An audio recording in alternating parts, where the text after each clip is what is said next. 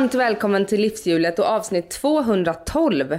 Nu är det snart midsommarafton och för mig är det på något sätt startskottet på riktigt för sommaren. Förra sommaren var speciell på många sätt då vi fick vår lilla Noah och då gick jag som du kanske minns ner i utgivningstakt av Livshjulet och släppte avsnitt varannan vecka där under ett par månader.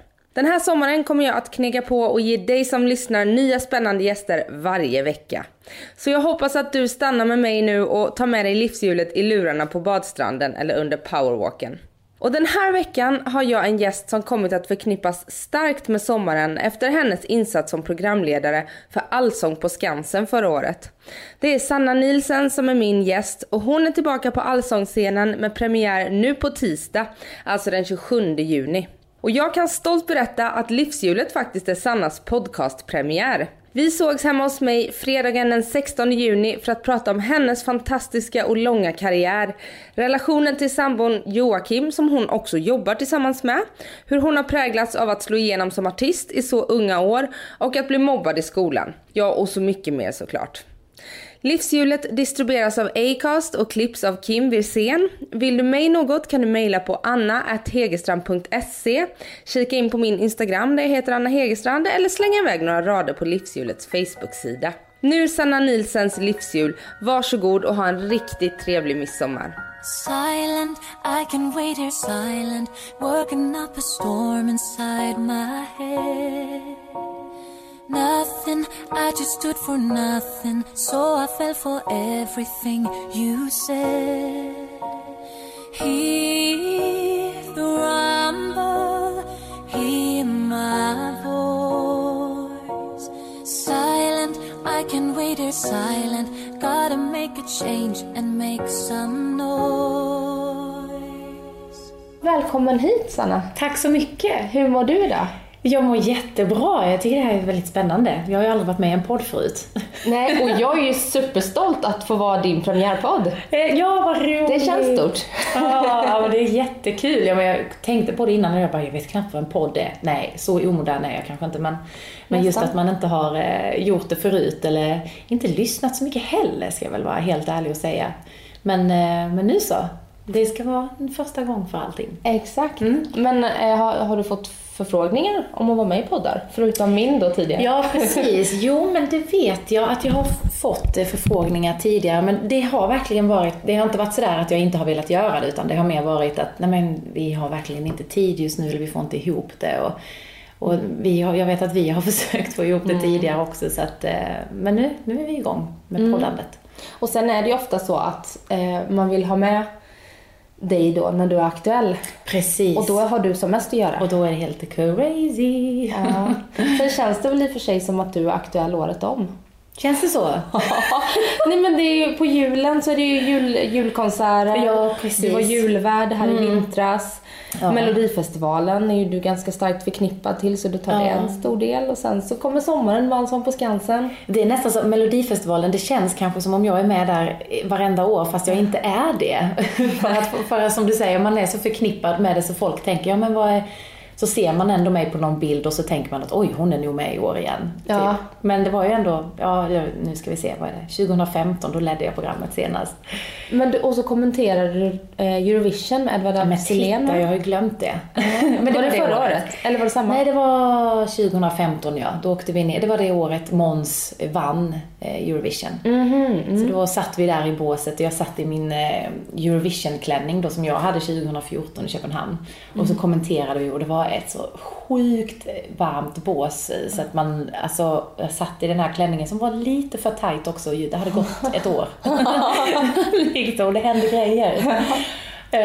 och jag satt där och svettades och åt min pretzel, för vi var ju i, i Wien ja, i Österrike. Och, och så ja, fick vi vara med om det magiska att Sverige vann Eurovision. Men då undrar jag, eh, för då sitter du där i ditt bås. Ja. Det är inte så många som tittar på dig då? Nej, det är ingen som tittar på oss. Och ändå tar du Eurovision-klänningen, eller melloklänningen framför ja. eh, typ pyjamas och tofflor.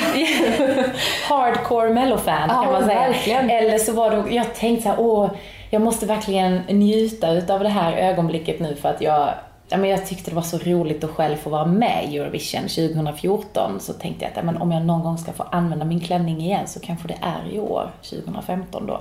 Plus att om Måns vinner så skulle jag vara den som fick första intervjun med honom Mm. för SVTs eh, räkning. Eh, Det var trist att göra den i pyjamas menar du? Ja, men det var nog så att jag hade annan outfit på mig och sen när det stod klart för oss att Måns kommer att ta hem det här, då stod jag i det här eh, tre gånger tre meter rummet. Nej, det var det inte så stort alls. Men eh, pyttelitet rum och eh, försökte få av mig de andra svettiga kläderna.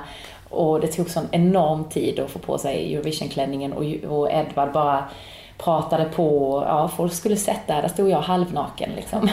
Det är inte så glamoröst bakom kulisserna menar du? Nej. Nej, det är inte så glamoröst, men det är roligt. Det blir roliga minnen. Mm.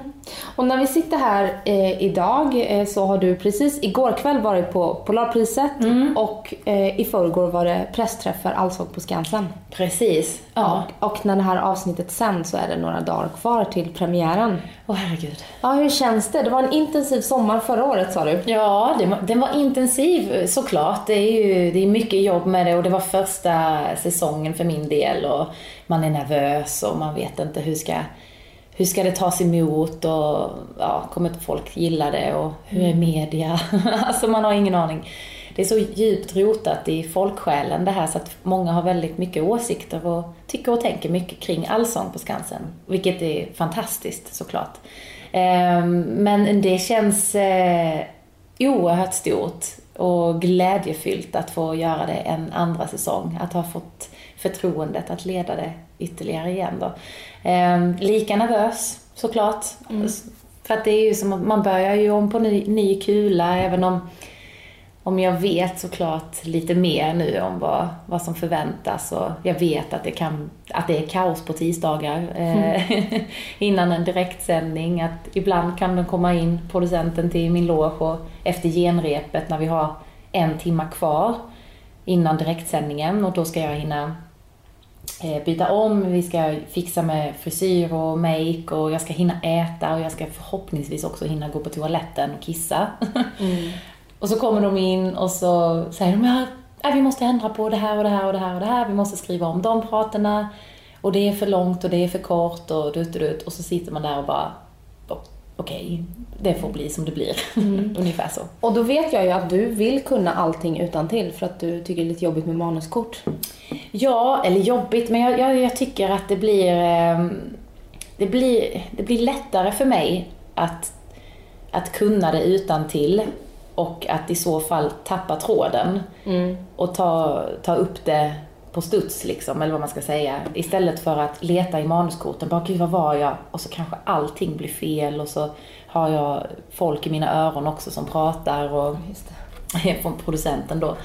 Ehm, och då tog jag det beslutet ganska tidigt förra året att, att eh, nej, men jag kör utan och så jag har ganska lätt för att komma ihåg texter och då hoppades jag på att det även skulle visa sig i manus. Ehm, och ja, det gjorde det den säsongen i alla fall, får vi se hur det går i år. Mm, och det gick ju väldigt bra förra säsongen och eh, pressen var ju snäll. Ja, Är det eh, lite nervöst nu för du vet ju jag som gammal kvällstidningsjournalist Ja. eh, och står även med en fot i den branschen nu att det funkar ju lite så att man bygger upp och, och sparkar ner. Är du, är du, eh, hur går tankarna inför det? Är du rädd för det? Nej, jag är inte rädd för det för att jag tackar, eh, alltså jag är så tacksam för att jag har fått vara med i den här branschen i över 20 år och, och vet, har förstått hur det fungerar och, och, ehm, och hur det byggs upp och sådär. Eh, Så att, och då har jag ju också kunnat bygga upp ett självförtroende och min självkänsla och också ha folk omkring mig som supportar och allt ifrån familj till management och SVT och manusförfattare och alla som jobbar med mig. Och, och så har jag också lärt mig att om jag är nöjd så måste det finnas flera som är nöjda, tänker jag.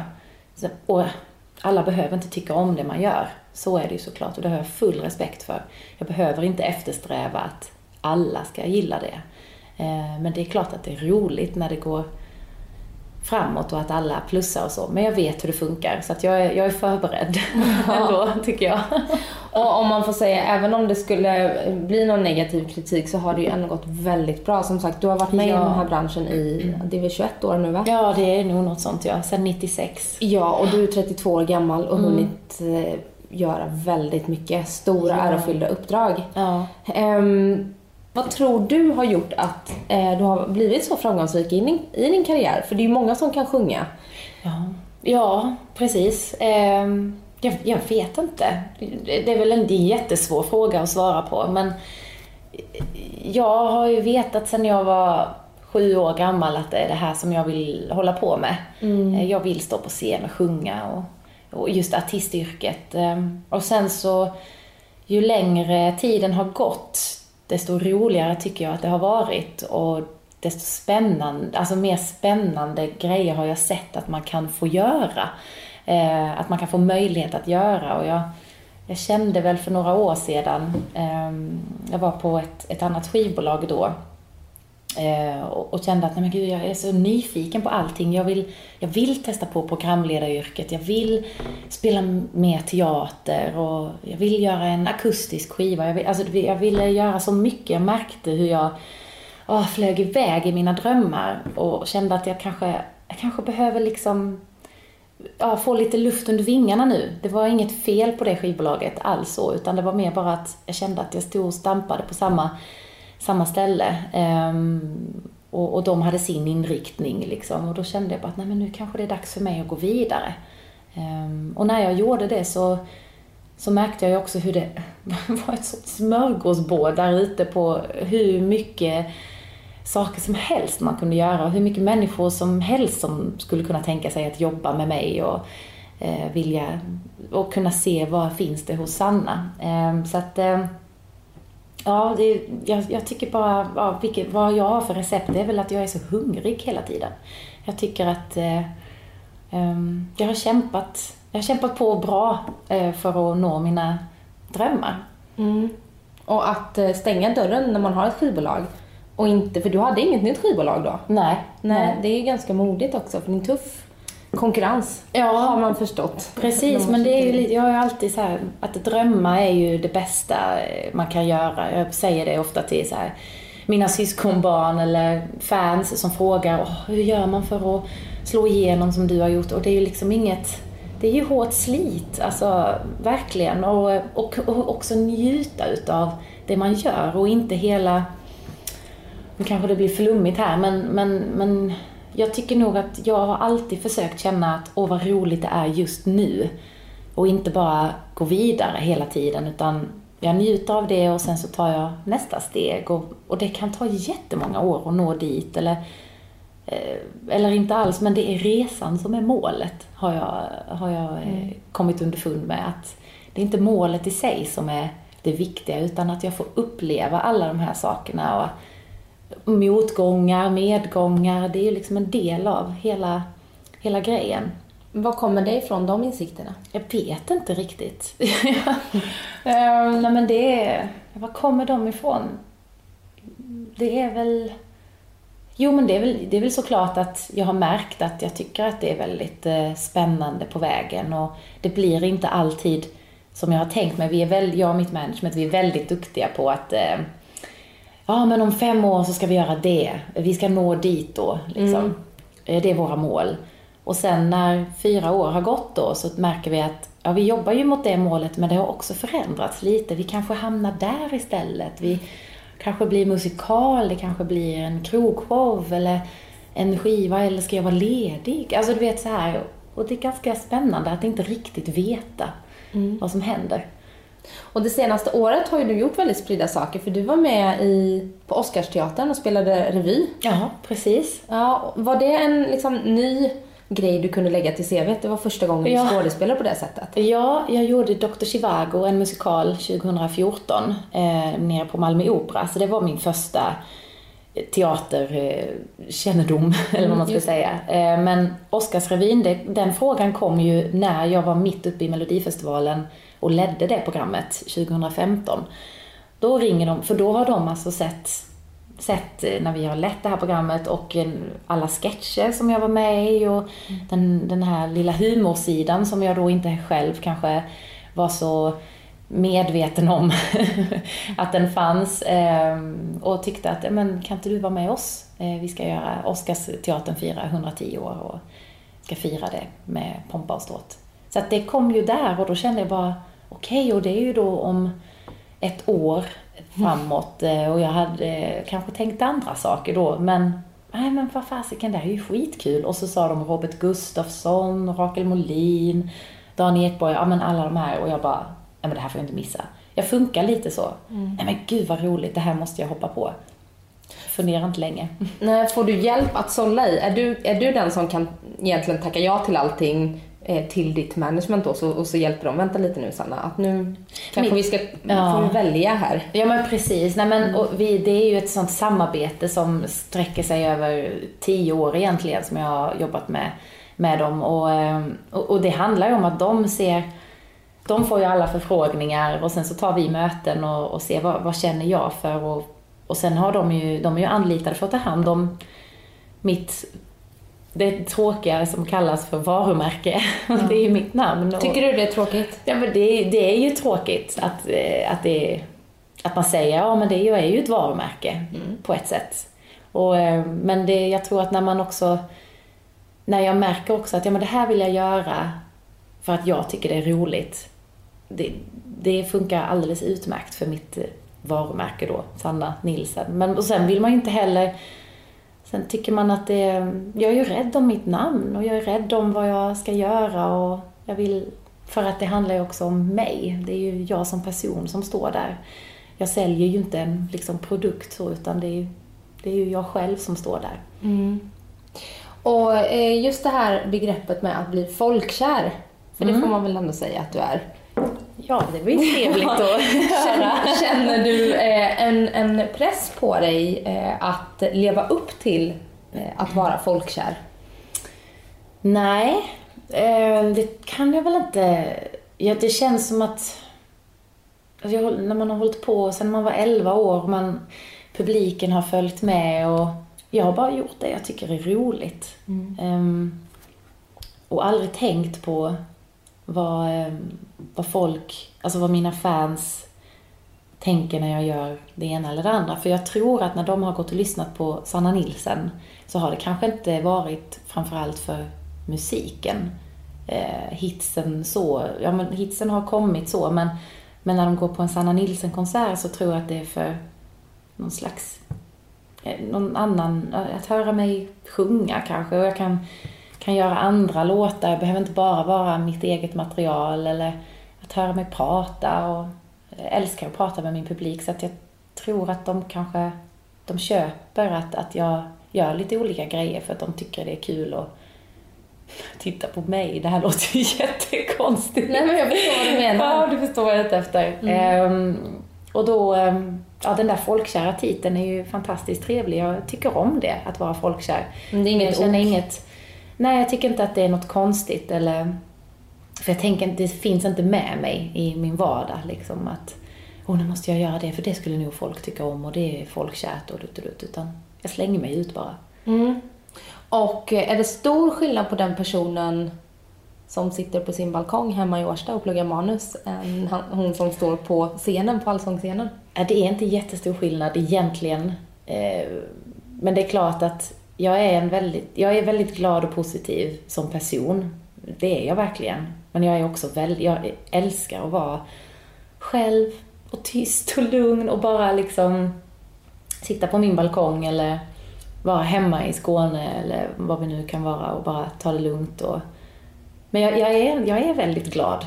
Jag är väldigt... Eh, och social. Jag älskar att umgås med människor. Men jag umgås så mycket med människor i jobbet så att jag sa det till min sambo häromdagen, herregud, vi är ju liksom sådana ensamvargar för att vi är mm. hemma jämt när vi är lediga och, och eh, kan bjuda hem folk istället. Vi går väldigt sällan ut liksom. Men, så att, lite skillnad såklart, men inte, jag är nog ganska mycket mig själv på scenen också. Jag tror det. Fast en annan sida av dig själv? Då. Ja, och jag tror också att det är viktigt att jag inte, för min egen skull, um, att, att, eh, att jag inte att jag ändå har en jobbsanna.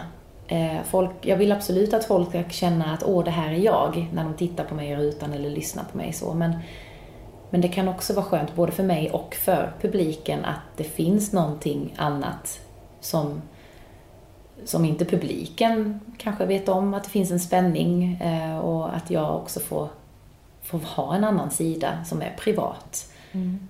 Och det är alltid en så svår balansgång såklart, men, eh, men jag tycker ändå att det är ganska skönt att ha det. Och just att du slog igenom som 11-åring. Eh, jag lyssnade igen på ditt sommarprat från 2014. Eh, där du berättar om att du ibland har, som när du gick i skolan, övervägde att var det, är det värt att hålla på med musik för att det var jobbigt med kompisar och du blev mobbad, kan man säga det? Mm. Ja. Absolut. Mobbad, hur, hur har det präglat dig? Ja, hur har det präglat mig? Och din tillit till människor och sådär? Ja, precis. Ja, nej, men jag har nog alltid haft någon sån här... Eh, jag, jag har alltid varit en ganska godtrogen människa också. På gott och ont såklart. Men eh, alltid velat tro det bästa liksom om människor och så. Men, eh, jo, men den perioden var ju inte jättekul. Eh, eller inte alls rolig. Men hur det har präglat mig, det har ju nog ändå... Jag gav ju aldrig upp. För det jag också fann, även om jag tyckte att det var jobbigt och även om jag kände att är det verkligen värt att, att fortsätta med musiken eh, när man blir utsatt så här. Så det jag ändå fann var ju faktiskt tryggheten i musiken just då. Att det var ju, även om det var det som var orsaken till att jag var mobbad, så kände jag ju mig ändå så stärkt utav det när jag kom hem och sjöng mina Céline Dion-låtar i mitt flickrum där hemma i Edenryd. Och, och det är väl det som har gjort också att, att, att, jag, att jag fortsätter för att jag finner så mycket trygghet i det och eh, att jag blev ändå starkare av den perioden. Jag släppte en sån låt här nu för inte så länge sedan som heter Inte okej. Okay. Det finns två textrader. Ni ville se mig svag men jag blev starkare. Mm. Och det, det var exakt så som jag kände under den perioden. Och jag är glad att jag hade musiken. Jag vet att det är många barn och unga som, som mobbas idag som, som skriver till mig väldigt ofta och berättar om deras vardag. Och, och det jag då försöker säga till dem är att fråga dem vad är deras hobby? Vad, vad gillar ni? Och det är oftast har barn mycket drömmar och mål i livet vid den åldern eh, redan då. Och, eh, då är tipset att verkligen bara fortsätta drömma på det och fortsätta jobba mot det för det är det som gör att man eh, ja, klarar det, tycker jag. Mm. Det är roligt, jag gjorde en intervju med Ernst Kirchsteiger ja. Eh, för några veckor sedan och då sa han eh, att han blir förbannad när folk inte ser barns drömmar och talanger och bejakar mm. det. För att mm. det är så viktigt att vi gör det med barn. Och mm. du hade ju ändå dina föräldrar vad jag förstått ja. som verkligen eh, uppmuntrade dig till att följa dina drömmar. Mm. Ja, det verkligen. Ja, eh, det måste ju vara fantastiskt. Eh. Ja, det var... Nej men jag är, jag är jätteglad att jag hade sån support i hela min familj och framförallt mamma och pappa. Och, och de var ju med, alltså just, alltså, de, de var ju verkligen så här att de såg ju att jag verkligen tyckte om det här och att jag mm. mådde bra utav det. Så att, att jag, jag stängde ju in mig på rummet ibland och bara och sjöng i flera timmar och det tror jag, det var väl kanske någon sorts eh, ja, men någon sorts terapi för mig också kanske, att, eh, att, att få rensa och, och de lät mig göra det. Eh, och det var fantastiskt bra. Och sen fanns de där alltid liksom och, och stöttade. Mm. Kunde du prata om, om ditt utanförskap med familjen? Mamma, ja, absolut. Ja, men det var ju så mycket, det var ju mycket möten på skolan och, och så. Och mm. Mamma och pappa var alltid, men de var med på skolan ibland och, och så. Och, så att, och bara liksom, de var inte med mig just varenda steg jag tog, men att jag visste att de fanns där mm. ibland. Kan du känna en så här, egentligen som man inte får prata om, men att man drivs av att haha, ja, nu fick jag visa er mm. mot dina Ja, jag har fått den frågan några gånger tidigare och jag har tänkt på det för jag har alltid svarat att nej, men det tror jag inte det har varit. Att drivkraften har varit att haha, nu, det här Det är lite fult, bra. fult att säga det. Ja, men sen så har jag ändå funderat på att det kanske, det kanske har blivit en drivkraft också. undermedvetet, eller vad man ska säga, eh, om man kan säga så. För att, och jag tycker inte det är något fel i det heller. Eh, för det känns ganska mänskligt tycker jag. Ja, det är ganska mänskligt. Och, men jag kan, jag kan inte säga att det är så jag har tänkt Nej. alls. Jag har inte tänkt alls på det, för jag lämnade den perioden och jag fick också en hel del ursäkter med åren som gick. Jag kommer ihåg en kille som kom in i kyrkan när jag hade konsert där och han kom in mitt i konserten. Det är några år efter högstadiet. Och jag bara, åh nej, åh nej, åh nej, ska han, vad ska han nu utsätta mig för liksom? Och så satte han sig där längst fram och lyssnade och så efter konserten så skulle jag skriva autografer och allt möjligt och då ställer han sig i kön längst bak och när ja, han är den sista personen som kommer fram och så, så säger han bara att jag, jag vill bara be om ursäkt för, mm. för de tre åren på högstadiet. Och, där, och så vi stod och pratade ganska länge och vi kramades och, och jag bara kände att ja, men jag har förlåtit och jag, det, ja, jag har gått vidare. Liksom. Men det var så fint ändå, mm. tyckte jag. Att han vågade, det var modigt gjort. Mm. Men du har ju också, du berättade ju om den här låten som jag tänkte faktiskt att jag ska avsluta avsnittet Jaha. med, Inte okej. Okay, ja, vad kul. Som du släppte här nu för några månader sedan. Mm. Eh, som handlar om eh, också mobbing, eller man ska säga, mm. på, på, på nätet och mm. som du har fått utstå i vuxen ålder. Ja, ja eh, precis. Eh, tror du att du reagerar extra starkt för att du känner igen det från, från barndomen? Jo men det gör jag nog. Alltså, jag tror jag var ganska trött på det vid den perioden. Vi började skriva låten eh, ja, förra hösten var det precis. Mm. Eh, och då när man liksom tar fram de här känslorna igen och så Ja, så man, jag trodde inte att jag skulle skriva en låt om det här faktiskt för jag kände att nej men jag har avklarat det där. Och sen så märker man att jag har ändå varit ganska förskonad ifrån eh, kränkningar och näthat. Men det är absolut, det kommer ju lite då och då. Eh, och plus att under den perioden så fick jag så mycket brev ifrån barn och unga om detta. Eh, och då när vi väl var inne i den här processen och skriva den här låten så kom det ju då kom det ut att jag skulle vara julvärd eh, till exempel. Eh, Ja men då var det den här tröjan som var stickad och jag visade bara axlar. Och ja, kan vi prata lite om det? För vi satt och pratade om det. Vad fanns det att störa sig på? Ja, just det. Precis. Vad var det folk reagerade på? Ja, vad var det de reagerade på? Ja, men det var att jag hade bara axlar. Ja, och det eh, var konstigt för att? Det var konstigt. Och röda läppar hade jag. Eh, rött läppstift. Vad synd att inte Skam kom bara lite tidigare, för då hade de inte kunnat anmärka på någonting. ja, precis. Ja, men det var så konstigt. Jag först så bara skrattade åt det och tänkte, men gud vad, vad, vad konstiga kommentarer. Och sen blev det bara mer och mer och mer, det var hundratals kommentarer eh, som folk också sen då plockade bort när man väl eh, satte ner foten. Ja, såklart. såklart. Men, och då var jag, så jag tror att när jag satte ner foten så var jag ganska trött på det eh, också. För att jag höll på att skriva om det och drog upp de här känslorna från högstadiet och sen höll folk på och jag bara tänkte, men åh, kan ni ge er? Mm. Och vad är detta? Och, och, och, alla dessa barn och unga som skrev brev till mig, jag kände bara att nej men nu får det räcka, nu får det vara nog, vad är detta? Jag vet att många, säkert många av dem som skrev de här kommentarerna eh, tänkte att de skulle vara lite roliga. Eh, och det är ju det som är problemet, att, eh, att det blir ah, men vadå, jag menar ju inget illa liksom. Nej, jag kanske inte tar illa vid mig, men Lisa, 10 år, som kommer in på mina sociala medier, som blir mobbad dagligen, får höra sånt här dagligen och känner att på Sanna Nilsens sociala medier så, så kanske jag ändå kan få liksom lite andrum. Och så får hon inte det. Och när man säger det på det sättet till en människa, till en vuxen människa, då fattar de helt plötsligt att oj, ja men så tänkte jag inte. Nej, Precis. Saker ser så annorlunda ut i skrift också än när man säger det, för det finns ja. inga tonlägen att... Nej. Min lilla teori här från mitt lilla hörn, det är väl att eh, eh, du hade på kort tid liksom vunnit Melodifestivalen, kommit tre Eurovision, lett Allsång på Skansen. Ja, nu ska hon vara julvärd också. Ja, det sticker i ögonen när det går bra för folk. Ja, precis. Och, då vill man ju, och det, det måste jag då säga att det jag tar med mig från hela den händelsen är ju faktiskt all kärlek och all support som en fluga här gillar. ja, jag var ute. Det är ganska det är svettigt ja, idag. Dras till, när jag pratar så dras den till min mun och när du pratar så dras den till din mun.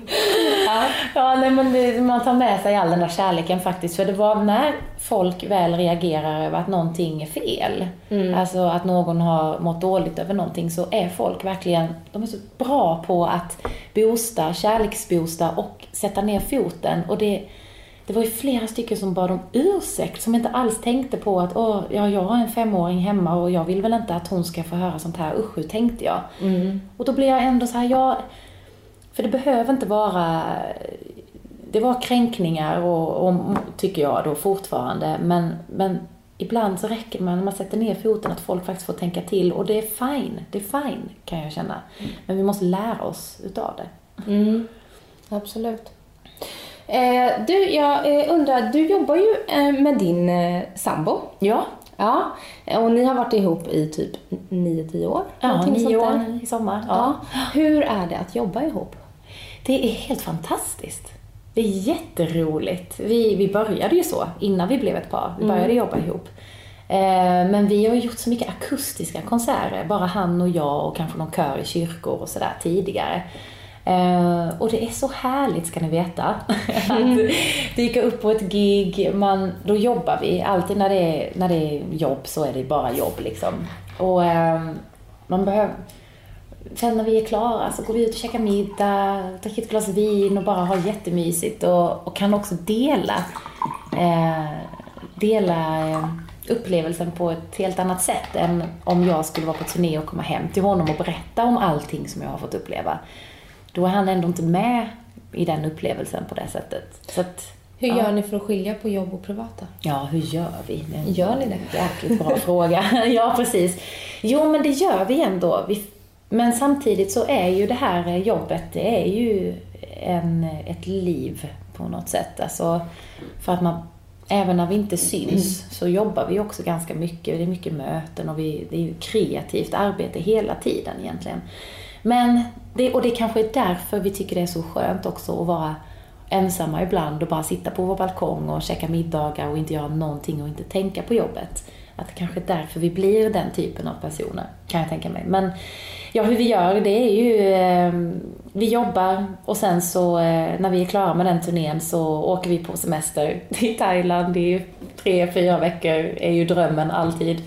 Eh, och, eh, och sen, ja, sen är vi bara där och, och myser och har jättehärligt. Och, eh, ja, men jag tror att vi har, fått, vi har löst det på ett, ett, ett bra sätt att vi... Ja, jag vet inte, nu bara besvamlar jag bara. Jag mm. vet inte riktigt hur vi löser men det känns bra. Mm. Det känns som att eh, när vi, vi har också, jag tycker det är ganska roligt för när vi jobbar ihop så är vi inte rädda för att trampa varandra på tårna. Att det blir verkligen jobb, jobb, jobb. Och sen när vi då är lediga så, så är vi världens trevligaste mot varandra och, eh, och försöker hitta på andra saker. För att livet måste ju bestå av andra saker än att bara spela musik. Det är inte så att han blir lite särbehandlad i ditt band så att du vågar vara lite tuffare mot honom än mot dina andra musiker då? Jo, det kanske det är. så kanske det är. Jag vet inte, det måste ju han svara på egentligen. Men, men ibland så har de fnissat till där i bandet och, och sagt bara, jo men ni är ju ett par, det märker vi ju. Eh, men jag tycker det är ganska skönt också, nio år har gått och vi är inte rädda för det. Konflikter mm. eller någonting så har vi pratat väldigt mycket, diskuterat oerhört mycket. Vi tycker inte alltid likadant men men eh, det löser sig alltid. Mm. Och vad, vad, vad, är det som gör att det funkar då? Vad är hans, liksom, de sidorna som du uppskattar? Mm. Jag uppskattar väldigt mycket hos Jocke, men kanske framförallt att han är så lugn och han, han svävar inte iväg. Alltså du vet, ibland när man tar på sig en fin klänning och bara, man känner sig, åh vad fin jag är. Vad, vad tycker du älsklingen? Ja, fin, mm. säger han. Och jag, jag gillar det så mycket för att det håller mig nere på jorden också. Du kan inte bli så galen över att visa lite passion. Säga jo, men det, jättefin! Ja, men det, han gör det också. Eh, det ska jag väl också säga. Men, eh, men jag, kan, jag kan ändå känna att det kan behövas ibland. Att, ja. Eh, att det håller nere, svävar inte iväg för mycket. Mm, det kan vara, det är skönt att ha honom på det där planet faktiskt. Um, och sen är han ju, han är världens snällaste. Uh, jag tror aldrig jag har hört honom säga ett ont ord om någon människa faktiskt. Ehm, och så har vi väldigt roligt ihop. Nu igår på Polarpriset, vi är ju världens sämsta mingelmänniskor. Alltså, för vi tycker inte om att avbryta. Åh nej, vi kan inte avbryta folk när de står och pratar med någon annan. Eller nej, de vill säkert inte prata med oss. Så helt ärligt tänker vi. Så ni, går och stä- ni tar ett glas champagne och en snitt och ställer er för er själva? Så kan det vara. Men när det är Polarpriset, förra året var vi där första gången tillsammans och vi hade så himla roligt och vi drack lite champagne och så kände vi bara, nej men nu går vi fram och pratar med någon här, Thomas Ledin eller vem det nu var. Eh, och vi, och vi märkte ju att, nej men gud, vi har ju väldigt roligt. Så att vi fortsatte på det temat igår och eh, vi hade så kul. Eh, satt med någon biskop, eh, Johan Dahlman, från, biskopen från Strängnäs. Fantastiskt rolig människa.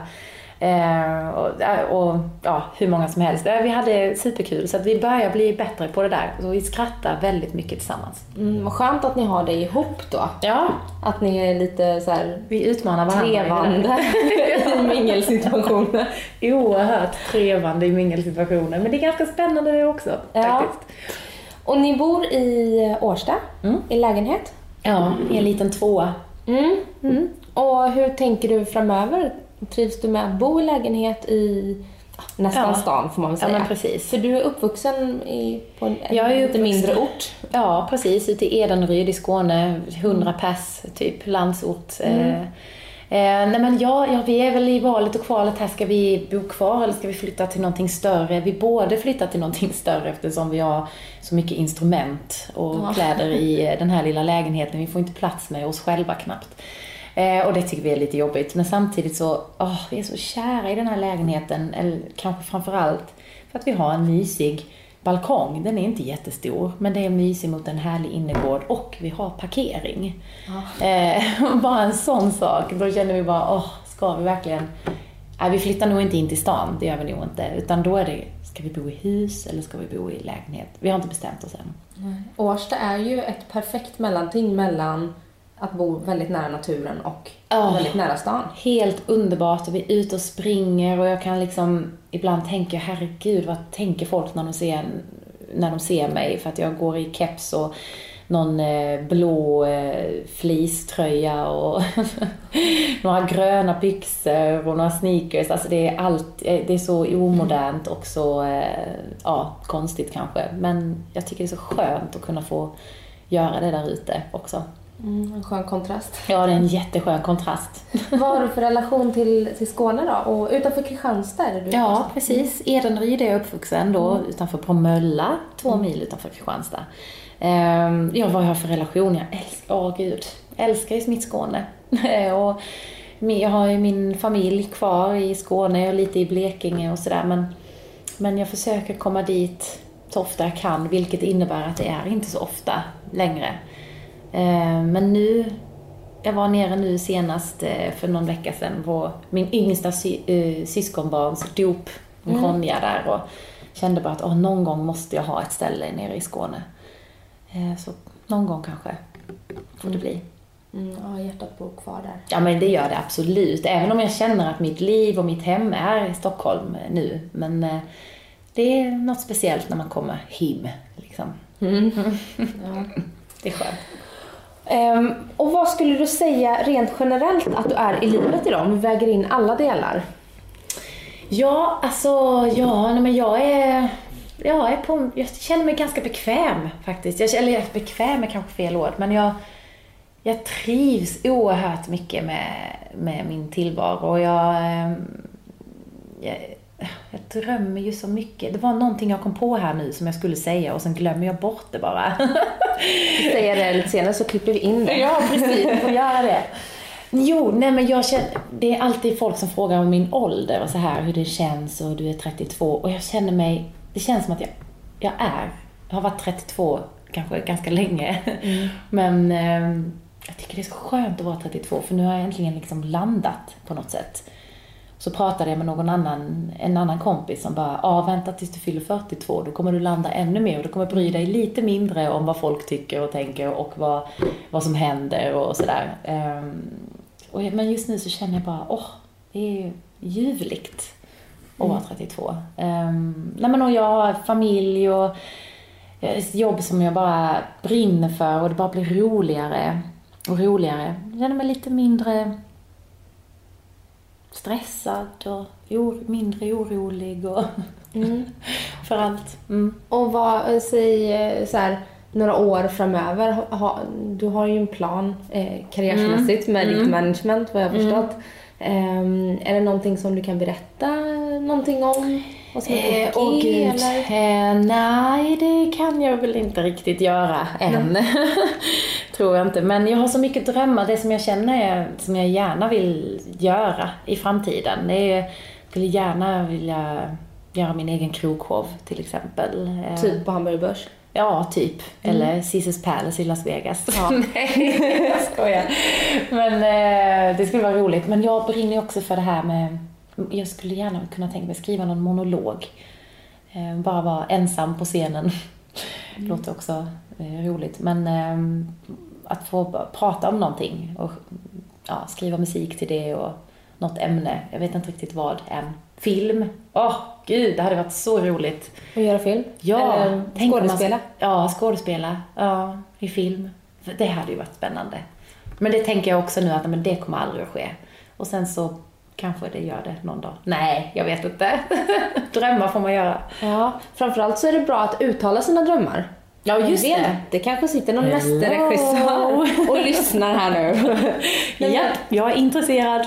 ja, men att våga uttala sina drömmar för annars så stannar de ju kvar inuti. Precis. Nej, men jag tror att det är det som hände för några år sedan, att jag verkligen bara vågade säga och vågade också eh, ta plats.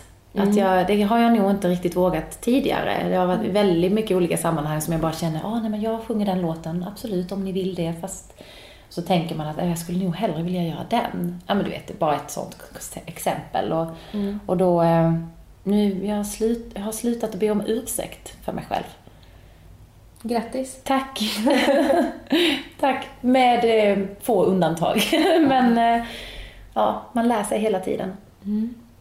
Och det här med att du älskar att vara 32 och förmodligen Ja. kommer tycka ännu bättre om att vara 42. Ja, Så länge man får vara frisk brukar ju folk säga så är det bara härligt att åldras. Mm. Hur, eh, hur håller du, liksom, hur tar du hand om dig själv rent hälsobiten? Ja, precis. Äta, träna, sova, typ. Ja, och jag är, just nu är jag inne i en period då jag inte har tränat, alltså jag har inte tränat sedan april. Eh, inte, inte, alltså inte varit på gymmet en enda dag och jag tycker det är ganska skönt att vara på gymmet. Men jag har haft så mycket förkylningar och det har varit så mycket, varit mycket med jobbet och, och sen har jag varit förkyld igen och fick matförgiftning och herregud. allt möjligt. Jag bara, men vad är det här som händer? Och då kan man ju inte gå på gymmet. Så just nu så känner jag mig ganska slapp. och eh, det är då inte många dagar kvar till allsången. Men jag tänker också att jag är ute och rör på mig och jag försöker äta bra. Och i perioder så tränar jag som bara den. Jag tycker det är jätteskönt. Och då, så att det är, för, om jag ska ta hand om mig själv så är det ju en balans utav allt det där. Träna, eh, må bra, eh, äta någorlunda rätt. Och ibland så slinker det ner lite Polly och eh, lite rött vin och, och lite goda såser och sånt. Eller Ja, ganska ofta. Min nästa fråga var, vilka är dina laster? Åh herregud, alltså jag eh, skulle... Ja men choklad är ju, eh, det är ju min last. Det finns några nya nu från Polly, vad heter det? Kicks eller något sånt där med hallon och saltlakrits, saltlakrits. Jag älskar det. Kommer förmodligen köpa det nu när jag går härifrån. Faktiskt. Nej men jag tycker det är så gott. Nej men det är ju det. Eh, ostar. Underbart. Du gillar allt som är gott med andra. Ja, allt sånt där som är gott och inte jättenyttigt. Nej. Och det är fredag eftermiddag nu Ja. och jag vet att du ska få dina föräldrar på besök. Ja, ja, min mamma och hennes man kommer Ja. på besök. Vi ska gå på Céline Dion imorgon. Åh, Är hon här? hon är här och jag... För det åh. är ju din Ja, det är min husgud. idol. Ja, det är det. Alltså, jag har många idoler, men hen, hon har liksom följt med mig sedan jag var åtta år gammal och stått och sjungit hennes låtar hemma och sådär. Så att imorgon ska jag få se henne för tredje gången live i mitt liv. Och mamma och hennes man ska också följa med då. Så det ska bli väldigt roligt. Så att, har jag berättat, har, det har, har jag nog inte berättat när jag såg henne live första gången Nej. i eh, Las Vegas 2007. Satt jag där på fjärde raden, hade, fått biljett av min familj och till min 20-årspresent tror jag det var något sånt där. Och jag tycker bara när hon står och sjunger någon låt så bara tittar hon mot den här raden där jag sitter och jag bara känner så här, hon tittar på mig. Alltså hon tittar på mig. Och jag var så amerikansk, jag har aldrig varit så amerikansk i hela mitt liv. Och bara gråter och skriker Celine we love you. Och jag, när hon tittar då mot mig som jag tycker det ser ut som så bara hoppar jag rakt upp och liksom vänder mig om och skriker till alla. Mm. Och jag skriker bara ha! She's looking at me! Ha! alltså bara, och jag bara, men vad gjorde jag nu? Det här är så olikt mig då. Eh, men eh, ja, det var, det är mitt, det är ett sånt härligt minne. Ja. Så jag kommer förmodligen bli så imorgon också. Det var roligt. Då var du i Las Vegas. Då var det Las Så då Vegas. var det flest amerikaner där kanske? Ja, precis. Nu kanske det tas emot lite annorlunda. När folk känner Ja. igen dig också. Ja, herregud. Vi får se. Jag blir utslängd. Ja, exakt. Det blir härliga rubriker i alla fall lagom till allsången. Just det, precis. Ja, men vad, vad roligt då. Ja, det Eh, ska bli kul. Mm, hoppas ni får en jättehärlig helg och eh, lycka till nu med allsången. Jag Tusen tack. Givetvis, jag har spanat in lite olika datum Ja, du är så välkommen. och det är ju ute nu vilka artister som är med. Så. att- Jajamän, det släppte vi nu då häromdagen så att eh, ja, vi har ett härligt program tycker jag. Mm, vad kul. Och eh, så avslutar vi då med Ja. din låt Inte okej. Helt okej. Och tack för det Sanna. Ha Tack det så bra. mycket, tack. Hej. Hej. Era ord som bränner och sårar Ser mig springa hemåt tårar Minns jag önskar så att ni inte såg mig alls Blundar och försvinner tills jag vågar. Nej, det är inte okej för mig. Måste få finnas till, vara precis som jag vill.